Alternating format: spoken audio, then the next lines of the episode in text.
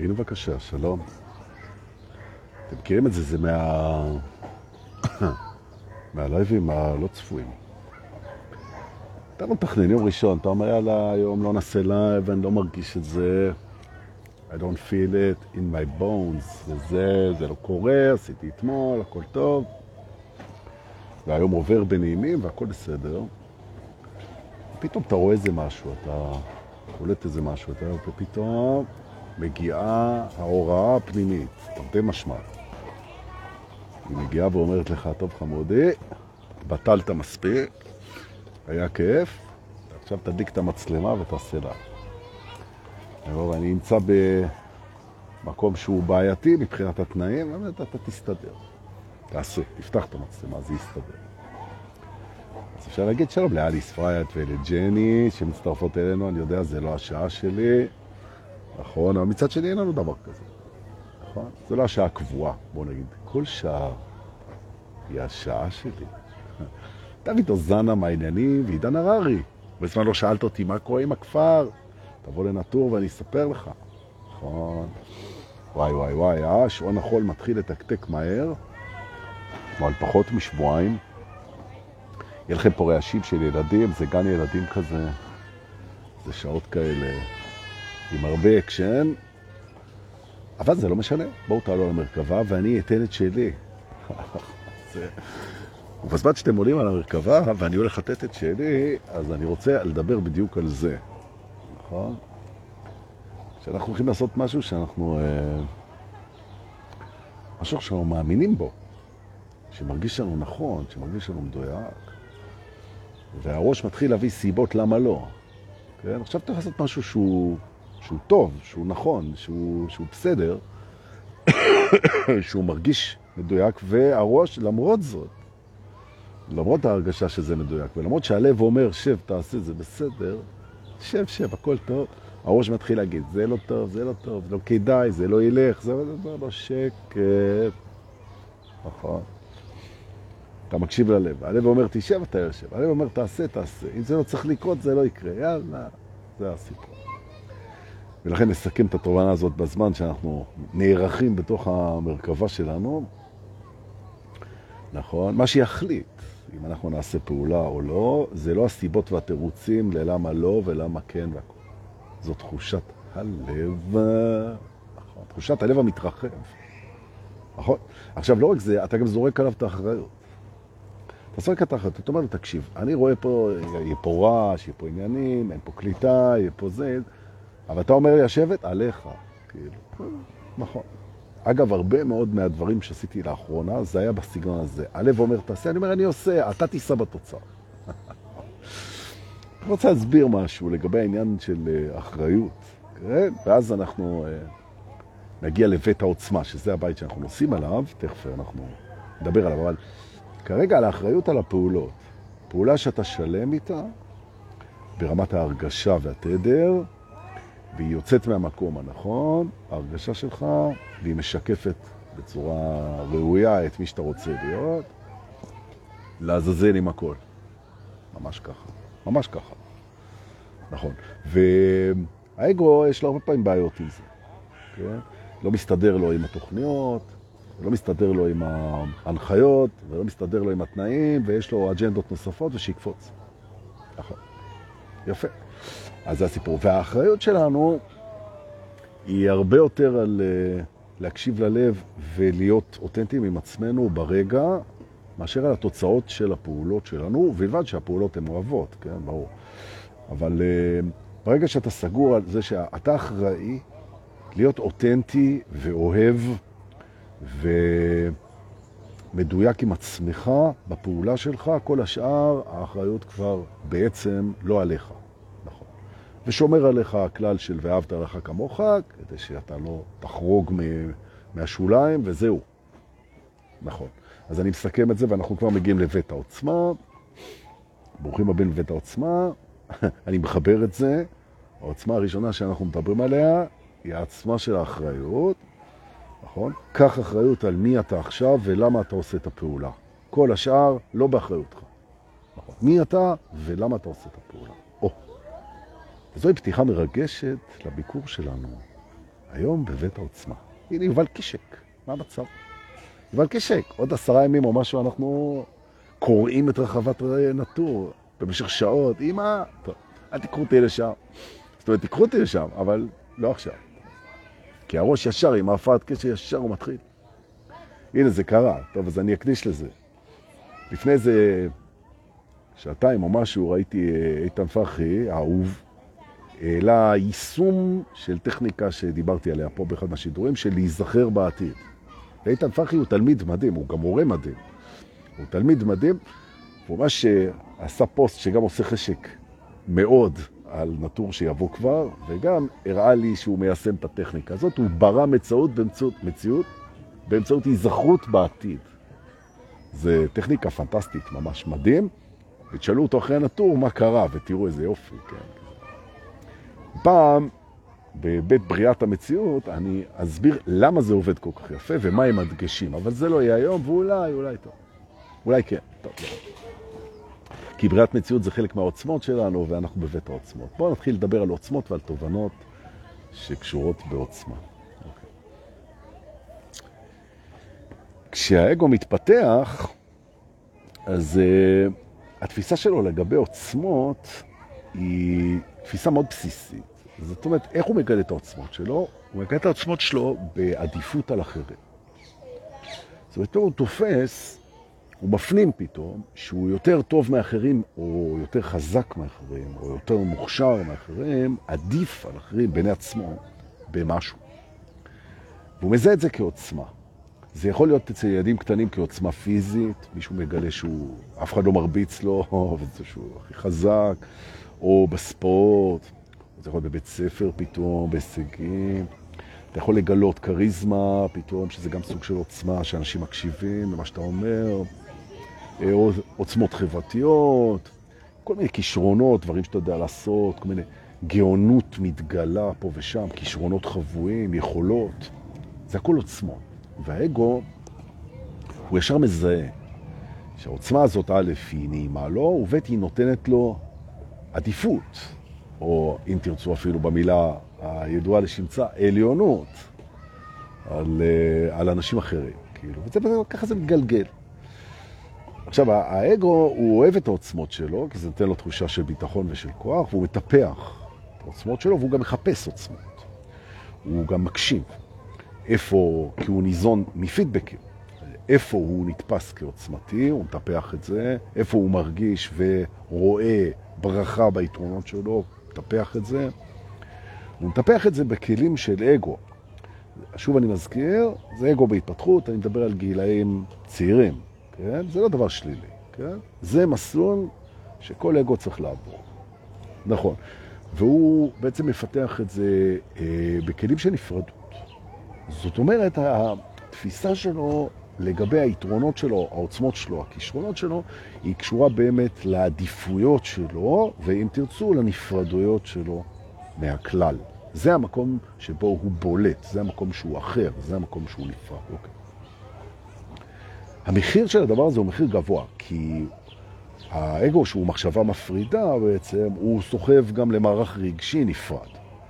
מה שמוביל בשלבים אחרים מתקדמים יותר לתחושות של בדידות קיומית. כי אם אני לבד, אז אני לבד, כן? עכשיו, גם אם אני הכי טוב, it's lonely at the top, כן? אני, אני נפרד בכישרונותיי, בעוצמותיי.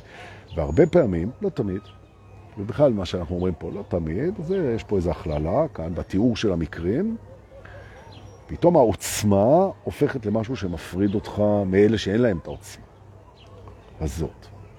ובעצם אתה הופך לסוג של התמכרות לעוצמות שלך, כי זה המקום שבו האגו מרגיש הכי טוב, כי זו הנפרדות המועדפת בעיני עצמו, עוצמה. אומר את זה עוד פעם, נגיד זה עוד פעם, הוא שואף לעוצמות שלו, כי שם הוא גם נפרד וגם מועדף בעיני עצמו בתחושה. וזה מקום שאגואים, הם רצים אליו בשמחה. זה הולך הרבה פעמים גם עם אשליית שליטה.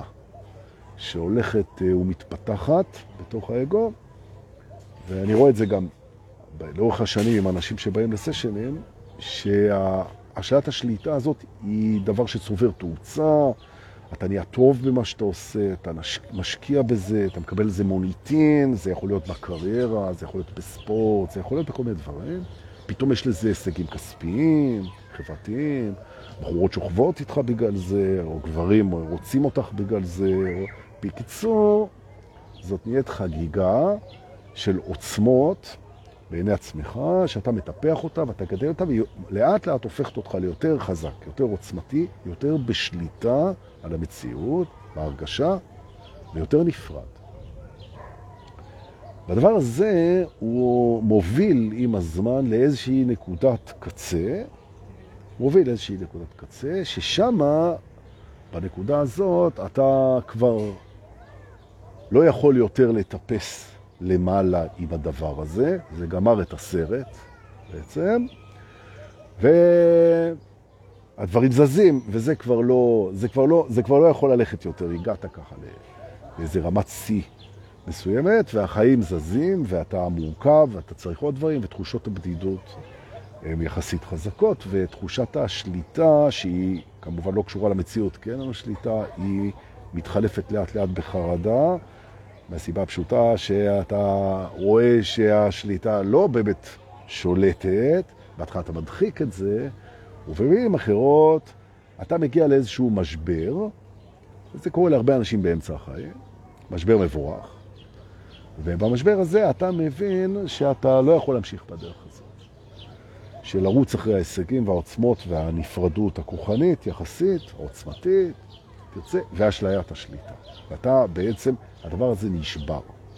ועכשיו אנשים נשברים בהרבה שיטות, הם נשברים בהרבה פטנטים, הרבה, הרבה דרכים, אבל דרך אחת שהיא מאוד פופולרית זה שאנשים מאבדים, הם מאבדים את הדרך, הם הולכים לאיבוד בעצם. הרבה נכנסים גם לתקופות של אה, דיכאון, או תקופות של אבטלה, או תקופות של הזנחה פיזית, משבר, אנחנו מכירים את זה הרבה פעמים כמשבר גיל 40, אבל לאו דווקא. אבל זה משברים, משברים כאלה. ואם אתה יורד לתוך המיקרו, אז אתה יכול לגלות את זה גם בתקופות זמן יותר קצרות, שאתה עפת על איזה משהו, זה יכול להיות על כל דבר, ופתאום זה הגיע לאיזה מיצוי ונשארת, ונשארת בלי התמיכה האנרגטית של האשליה הזאת. וזה דבר מבורך סך הכל, כי מאחורי הקלעים של הריצה הזאת אל העוצמה, המפרידה והמבודדת, וה...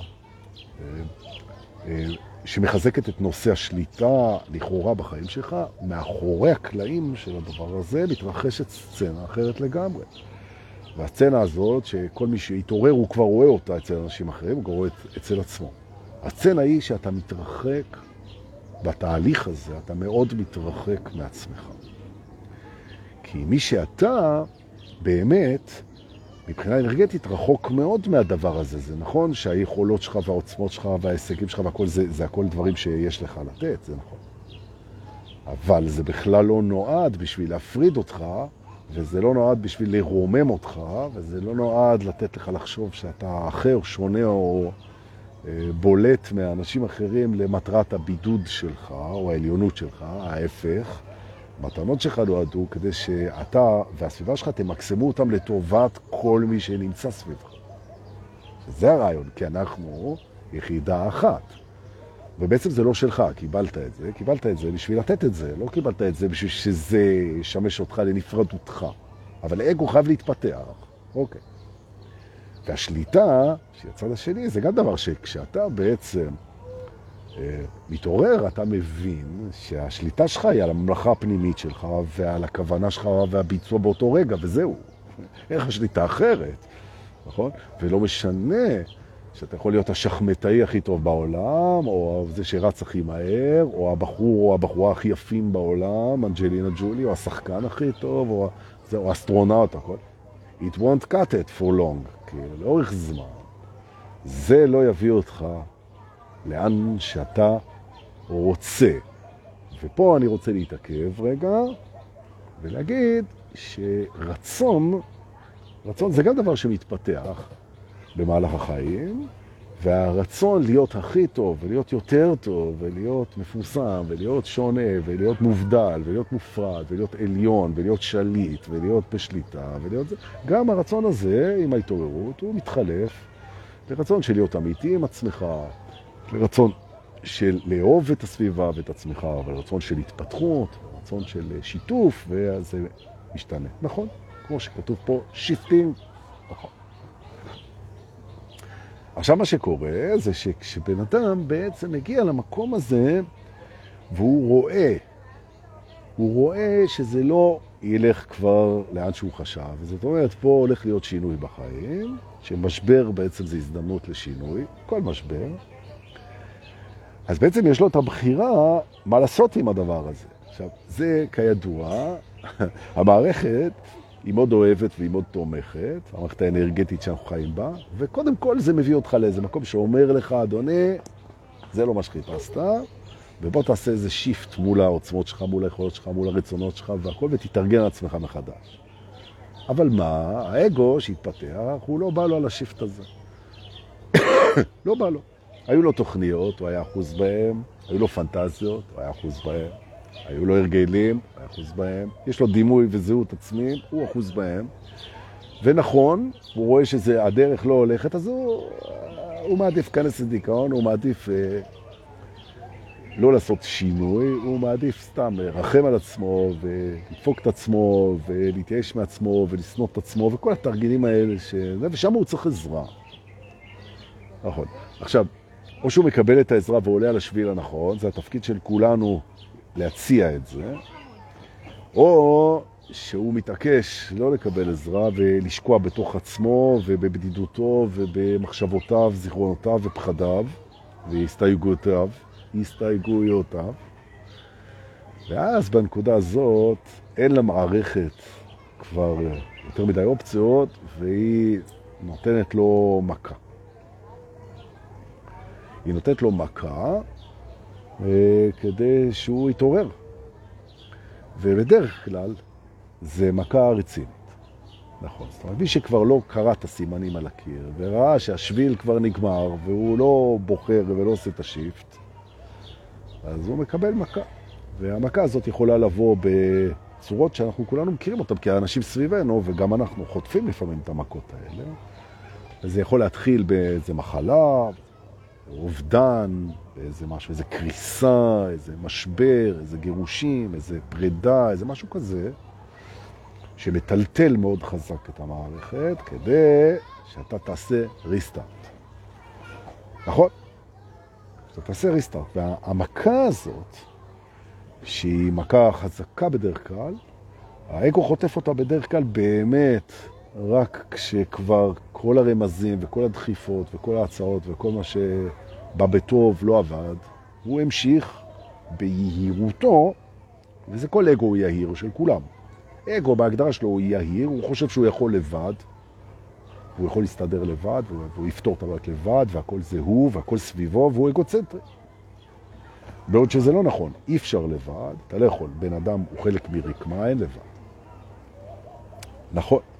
עם כל החלומות, על לא להיות תלוי באף אחד, ולהיות משוחרר והכל וזה וזה. זה אנשים אה, עבדים של המחשבה הזאת. אנחנו אין לבד, תשכח מזה.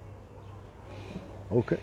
ובמקום בבדידות מזהרת, עוד איזה רעיון פנטסטי של האגו, מגיע פתאום מה שאוהבים לקרוא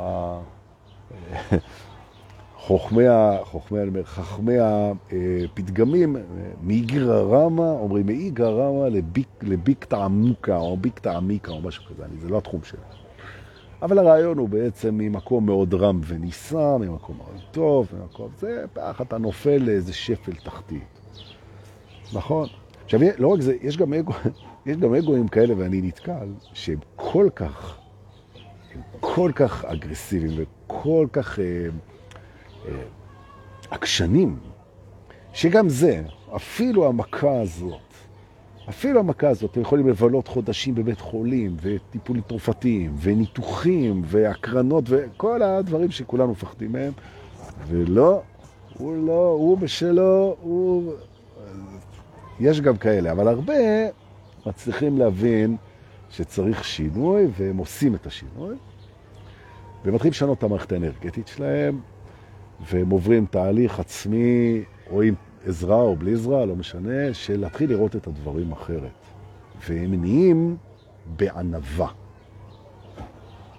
הם נהיים בענווה, זאת אומרת, הם מבינים כבר שהחגיגה הזאת, ש-look at me, I'm Sandra D, כזה, זה נחמד, אבל בסופו של דבר, אתה בן אדם קטן פה, ובאת לעשות את מה שהייעוד אה, קבע, ויש לך בחירה אם לעשות את זה או לעשות את זה, אבל אתה לא פה תריץ, אה, נכון? ואגב, אם אתם מסתכלים על אנשים שבגיל צעיר כבשו את העולם, ויש, לא הרבה, אבל יש כאלה, דרך אלוויס, ג'ניס ג'ופלין, הכוכבי רוק למיניהם, כל מה שאתם רוצים, וגלה שרובם, לא כולם, הם התחרפנו. למה? זה בדיוק הנקודה הזאת. פתאום אתה בגיל פרינס או משהו כזה, אתה, אתה מגיע בגיל מאוד מוקדם, גיל 28, גיל 30, אתה מגיע לנקודה שבה אתה חושב שאתה ה-King of the world, ניצחת את הכל, אתה צעיר, אתה מבוקש, יש לך את כל מה שצעירים חולמים עליו. יש לך מיליונים, כולם יודעים מי אתה, אתה בריא, אתה צעיר, אתה פה, אתה שם, אתה פה שם, הנה, זהו, shooting star, fuck, כן. ואז פתאום נפתח בתוכך החלל הריק הזה, שבעצם מאמת אותך עם זה, שלהיות shooting star זה לא דבר שבשבילו באנו, נכון? עכשיו, אם אתה יש לך פוטנציאל להיות shooting star, תהיה shooting star, כן? כוכב בשמיים, אין בעיה. אבל לא לבד, ולא רק בשביל עצמך, והדברים הם לא שלך, הם ניתנו לך בשביל שאתה תעשה עם זה משהו בשביל אחרים. ואותם אנשים שהם shooting stars והבינו את זה, החל מפול מקארטני וכאלה דרך ג'סטין טימברלק, ולא חסר, שזה אנשים שהם הביאו בעצם חוכמה של היקום אל תוך ההצלחה הפנומנלית שלהם, והם הצליחו להתאזן בתור כוכבי-על צעירים. יש גם כאלה, נכון? זה בדיוק זה. ששמרו על הענבה, נכון? שזה שאני עכשיו נמצא בטלוויזיה בכל העולם, זה לא אומר שאני יותר טוב ממישהו אה, כבן אדם. זה אומר שיש לי מתנה גדולה לתת בשביל לעולם, וזהו בעצם, באהבה, נכון? וזה שיש לי הרבה כסף, או שאני יפה, או שאני מצחיק, או שאני יותר מכל העולם, זו מתנה שנועדה לעולם. וזה שאני יכול לקנות לעצמי דברים, והכל זה על כיפק, וזה שיכול להגשים פנטזיות זה יופי. אבל זה עדיין לא משנה את העובדה שאנחנו לא באנו לפה, לא באנו בשביל להיות לבד ולקבל בשביל עצמנו. נכון? ופה נכנס העניין של העוצמה, לכן אנחנו בבית העוצמה. העוצמה האמיתית שלנו היא לא נובעת נטו מהיכולות שלנו. זה בעצם הבסיס של ה live הזה, שזה מה שאנחנו צריכים להבין. העוצמות שלנו, ולכל אחד יש עוצמות, הן לא נשאבות והן לא אה, ממוטרות או באות לידי ביטוי מתוך התפיסה ההישגית הסינגולרית, היחידנית, שלנו versus the world. זה לא בא משם. נכון? ותסתכלו על סטיב ג'ובס, כן? שממש סטיב ג'ובס, שבאמת אחד מהאנשים שהכי הצליחו מבחינה יצירתית וכלכלית בעולם, ופיתח את כל הפיתוחים הכי חשובים של חברת אפל, והיה כבר בגיל מאוד צעיר ביליונר מטורף, והיה לו את כל מה שהוא רוצה. אז אה, כשסרטן הכבד הגיע, והוא הגיע אגב פעמיים, אז, אה, ויש סיבה למה זה מגיע פעמיים, אז הנה, אז זה לא עזר לו שום דבר, וכל החגיגה הזאת נגמרה בגיל מאוד צעיר, מהסיבה פשוטה ששום עוצמה שלך לבד, היא לא תחולל מספיק עוצמה בשביל לעבור כמו, כמו אה, שביט את כל החיים. זה לא עובד, יש פה דברים שצריכים לקרות. לעומת זאת, אנשים שכן עשו את השיפט, והם פתאום הבינו את הענבה הזאת, ואת המטרה למה הם פה, ואת זה שהמיוחדות שלהם נועדה לשרת, ולא רק אותם.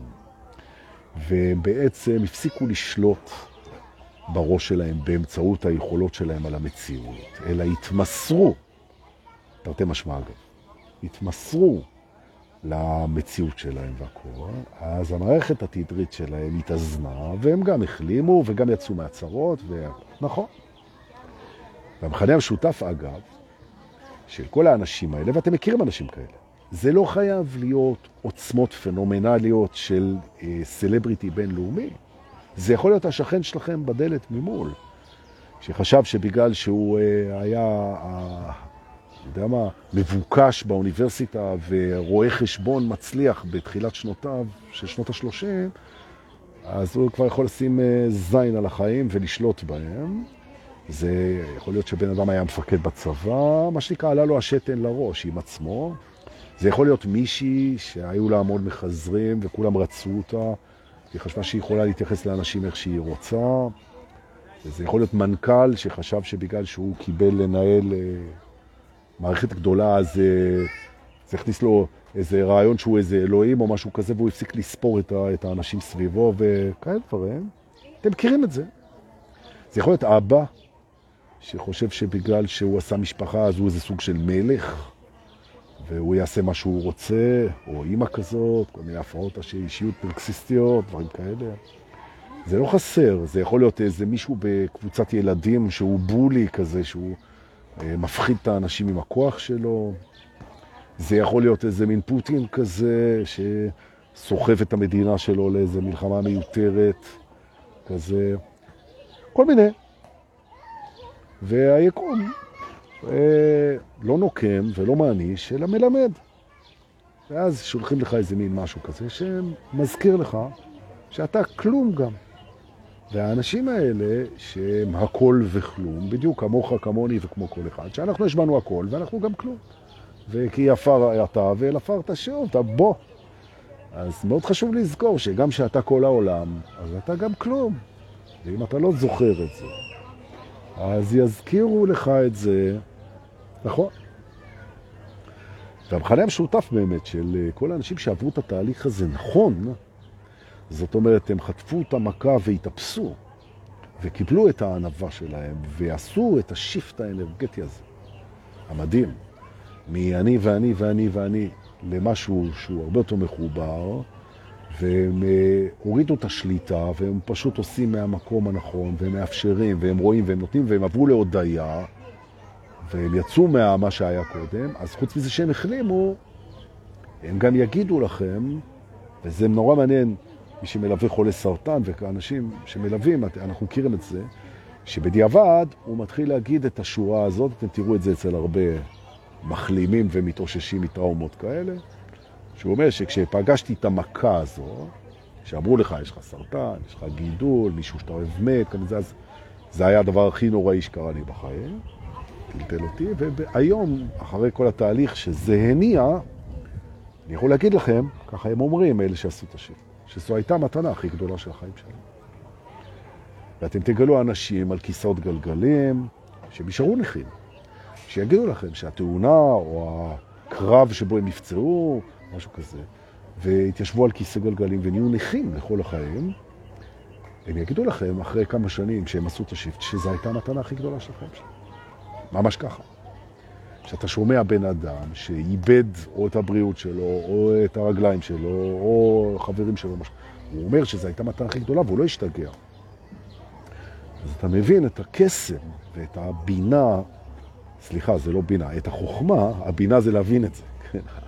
את החוכמה שיש בדרך הזאת, שהיא לא מוותרת לאף אחד, והיא לא מוותרת על אף אחד. נכון, שזה מאוד מייצג את השכינה האלוהית פה, בדבר הזה. זה לא מוותרים לך ולא מוותרים עליך. נקודה.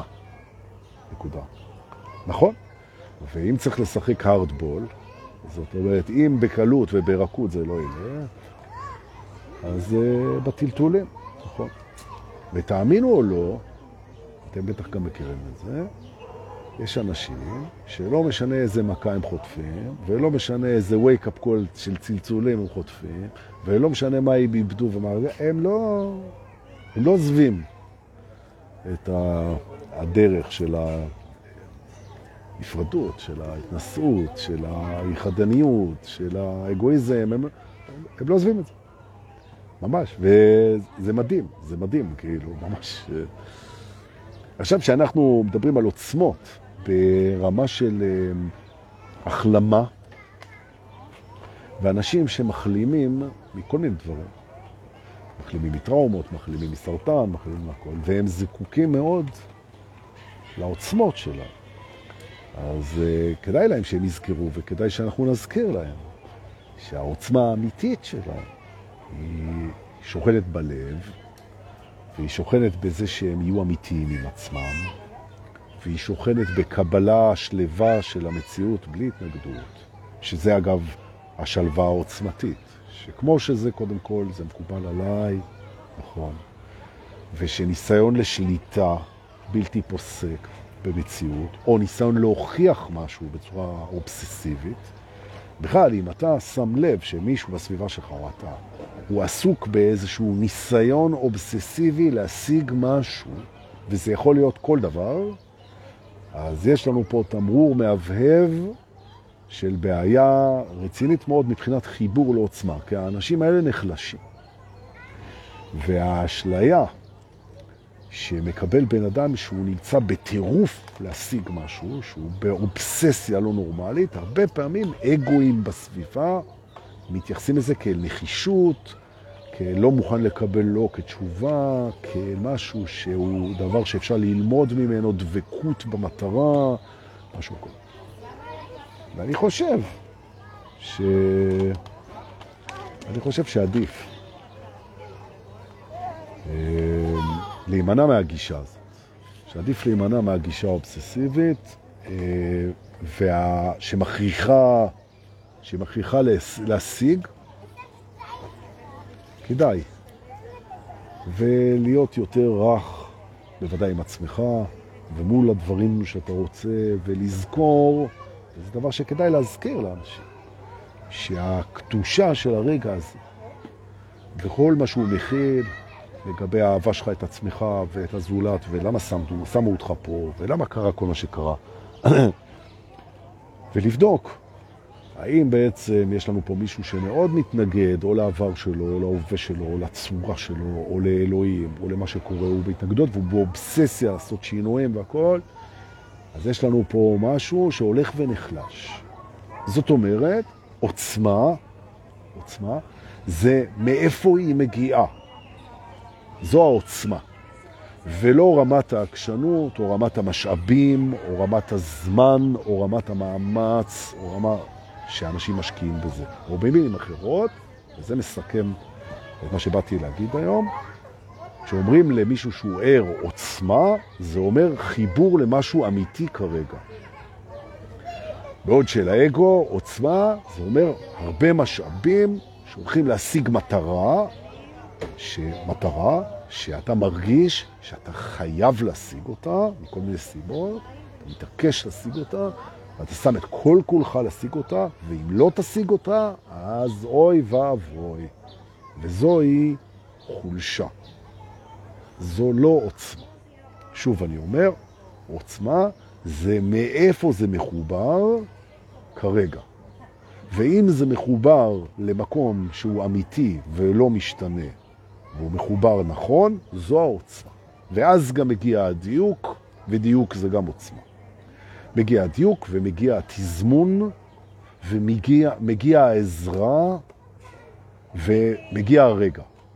נכון. ואז הדברים קורים נכון ובקלות. זו עוצמה. והעקשנות והאובססיביות ורדיפה ולחץ כל הדברים האלה, וניסיונות חוזרים ונשנים, חוזרים ונשנים, ראש בקיר עם איזה אמונה, כל... ו... סליחה, זה לא אמפתי מה שהצחוק הזה, אבל נכון, אבל הרעיון הזה שכשבן אדם הולך עם ראש בקיר, עוד פעם ועוד פעם ועוד פעם ועוד פעם ועוד פעם ועוד, ויש אנשים שהם מעודדים את הדבר הזה, הם מעודדים את זה. אגואים מעודדים אחד את השני להסתער שוב ושוב, ואפילו החברה מקדשת לפעמים את אלה שבמרכאות התאבדו על המשימה. without, uh, כן, אני לא רוצה, לא רוצה to disrespect אף אחד, אבל אני אומר, מה שמדויק ומה שנכון ומה שמחובר ומה שבזמן, הוא אמור לקרות די מעצמו. נכון. עוצמת הרכות. הדברים קורים בקלות. אם אתה תופס את עצמך, יושב על הנקודה בכוח, אז אולי הגיע הזמן לנשום ולעצור ולהתחבר לעצמך ולהוריד שליטה, להתחבר לעוצמות אמיתיות, נכון? ולהתחיל להיות בהודעה ובהערכה ובענבה. זו העוצמה. זהו, חברים. ובסיום עוצמתי זה, אגיד לכם, תודה שבאתם גם היום, תודה על כל מה שאתם שולחים, כסף, בביט, בפייבוקס, מתנה. מצטער פה על הסט עם כל הרעשים של הילדים, זה היה live ספונטני ולא מתוכנן, אבל לא עמדתי בעוצמה של הדבר הזה. הבנו, טוב, כן. אנחנו נתראה ב live הבא, תודה שבאתם, שתפו את זה, אם זה, נראה לכם מעצים, שתפו את זה. ביי.